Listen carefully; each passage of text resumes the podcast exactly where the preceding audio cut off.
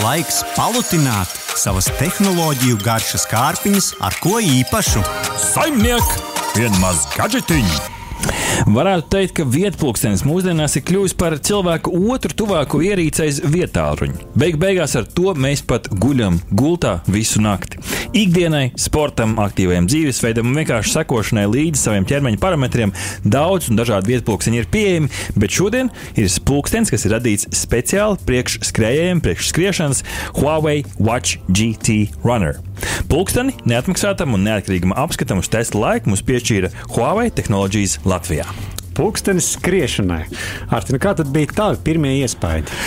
Es teiktu, ka patīkami. Patīkami pirmie iespaidi, jo parunāsim par pašu ekrānu. Apaišs ekrāns, es patiesībā pat teiktu, normāls, nemaz 1,43 colis, kas ir nu, lielāks par tādu nu, maza, maza izmēra pulksteni. Es teiktu, tāds diezgan patiesībā pat vīrišķīgs uz, uz, tās, uz tās rokas izskatās.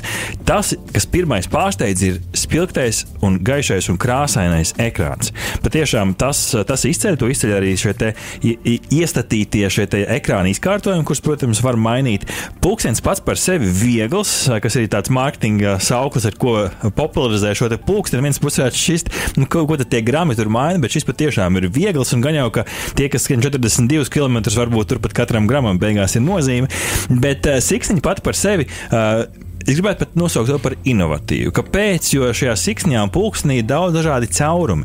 Kāda tam ir nozīme? Lai tā roka tik ļoti nesvīst. Tīpaši smagos treniņos, lai āda labāk elpo. Un šeit ne tikai siksniņai šie caurumi ir lielāki kā citiem, bet arī pie šī pulksteņa pamatnītes ir tāda speciāla tāda izgriezuma, lai, lai tas gaiss varbūt nedaudz vairāk pieiet rokai klāt.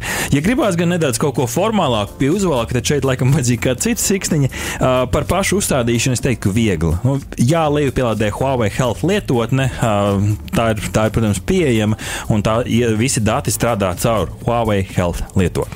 Jā, un tad jautājums, nu, tu palietoji kādu laiku jā, šo lietotni, vai ne? Vairāk kā divas nedēļas patiesībā nu, sanāca. Kā, kā tad tā strādā ikdienā, tad šis te vietpūkstens? Es, es izdalīšu sākumā par to ikdienu un pēc tam par sportu, labi? Uh, par pašu lietošanu. Es teiktu, ka uh, šī te navigācija un pārvietošanās pulkstenī ir vienkārša, un šis ir kompliments, jo šeit mēs daudz kritizējam konkurentu Garmin, it īpaši vecākos pulksteņos bija grūti atrast, kur kas atrodas šeit, velc pa labi, velc pa kreisi, uz augšu, uz leju ātri var piešauties, kas ir būtiski. Uh, ikdienā nu, jā, jāparunā par sensoriem. Tur iekšā ir dažādi sensori. Gan sensors, kas mēra, mēra kā, uh, novietošanās pozīciju, ātrumu, protams, sirds ritmu, uh, mēra arī. Uh, pareizi tagad jānosauc latviešu uh, skābekļa līmeni asinīs, kas, kas arī ir jau tāds jauns uh, trends. Starp citu, noklausieties mūsu aizdīto raidījumu par, uh, tieši par sportošanas gadgetiem. To atradīsiet digitālajā brokastu arhīvā, lai jūs saprastu labāk, ko tad katri no šiem mērījumiem palīdz. Ir arī sirds ritma mērītājs, kas strādā 24,7. Un šis sensors aizmugurē ir lielāks kā parasti. Neierasti liels. Es neesmu, protams, tehnikas speciālists. Es nezinu, vai tas lielums beig beigās kaut ko nozīmē, bet katrā ziņā nu, salīdzinot ar Apple Watch 7, tie rādītāji plus mīnus arī sakrita. Protams, šie te ir vietpūksteņi, medicīnisks ierīces, šis ir jāizceļ. Tas, kur ikdienā man kaut kas pietrūka, pay funkcija, maksāšanas funkcija šeit nevarēja dabūt iekšā, kas ir diezgan ērti. Patiesībā, ka tu aizmirsti maku mājās, samaksā ar pulksteni, tā šeit nav. Un ar mūziku arī šeit bija tāda maza nianse, tur ielikt šajā pulkstenī mūzikas failus, kas tev jau ir. Līdz ar to, piemēram, Spotify stream, streamošana, jeb šo saglabāšanu no Spotify šeit es nevarēju ietilpināt. Jā, nu, tad, nu, tā kā šis ir skriešanas vietpūkstenis, noteikti izdevās arī nedaudz pasportot ar to. Jā, kā, jā pa, pas, paskrējot šo te pulksteni, es teiktu, ka tas, kas palīdz, ir funkcionāls datu izkārtojums uz ekrāna. Vienā ekrānā redzam dažādi dati, tas arī, protams, citiem ir labi, bet arī šeit šis te pulkstenis to dara perfekti. Salīdzinot, piemēram, ar Garmin Phoenix jauno sēriju, šeit bez, bez šo ekrāna aiztikšanas, bez, bez skāriņu jutīgā ekrāna pilnībā nevar iztikt. Šeit atcerieties mūsu vienu no apskatiem par Garmin Phoenix. Mēs izteicām tam pulksnim komplimentu, ka var gan, gan. Un šis man šeit ir nozīmīgi nevis vasarā, kad mēs tagad testējam siltā laikā, bet ziemā, kad tu skrien ar cimdiem, tad iespējams kaut kādā brīdī cimdi jānovelk, nu, varbūt arī sīkums. Um, tas, kas ir patīkami, ir uh, pieejami uzreiz dažādi treniņu varianti, dažādiem nolūkiem, ātrumu, ilgumu un tā tālāk. Līdz ar to tas pulkstenis pielāgojās. Uh, pa mazo skaļrunīti, kas ir uh, šeit ekrāna tajā pašā pusē, kur pogas, Uh, Pūkstens ar tevi runā, sniedz informāciju par skrējienu. Patiesībā pat diezgan skaļi un kaut kādā brīdī tu skrieni garām kādai tantei purciemā, un tad viņa dzird visus tavus datus un cik ātri tavs sirds. Varbūt, ka, ka tik tās sirds straujāk nesapukstās kaut kur skrienot garām. Bet varbūt kādam tas noder, citiem varbūt tas, tas varētu traucēt. Man kaut kādā brīdī šķiet, ka pūkstens man vēl līdz galam nepazīst. Varbūt vienkārši pārāk maz viņu bija lietojis vēl. Ja man šitajā brīdī, kad es biju uzņēmis to savu īsto tempu, kā es gribu noskiet, pūkstens teica, skrien ātrāk kārti. Labi, vārdā viņš man neuzrunāja, bet uh, varbūt, varbūt tur vienkārši ilgāk būtu jāpalieto.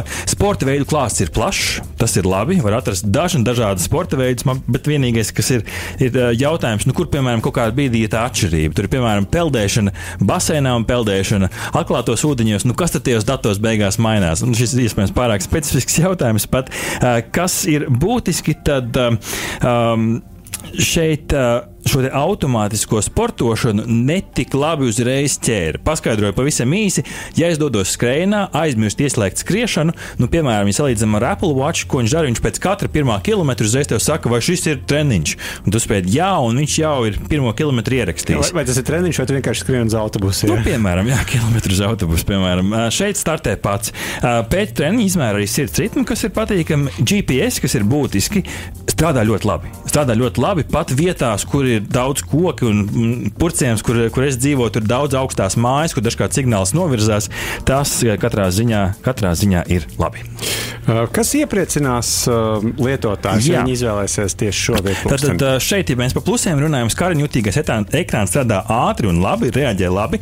Es teiktu, ka šī pulksteņa lielākais trumpis ir baterija. Es nezinu, kā Huawei šo ir izdarījis, bet man izdevās ar diviem līdz trīs treniņiem un ikdienas lietošanu šo pulksteni darbināt desmit dienas.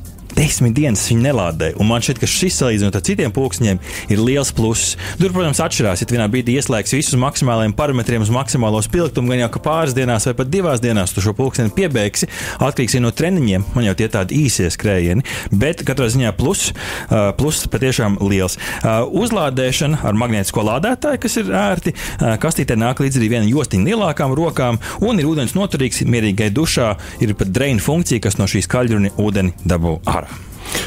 Un kas varbūt ir tās lietas, kurām, nu, par kurām ir jāpārliecinās, lai saprotu, ka varbūt šis pulkstenis tomēr nav priekš jums? Jā, nu, kas ir jāzina pirms pirkuma? Tāds ir jautājums, nu, pāris nianses, bet te ļoti subjektīvi. Vienam tas būs šķērslis, otram pilnīgi vienalga.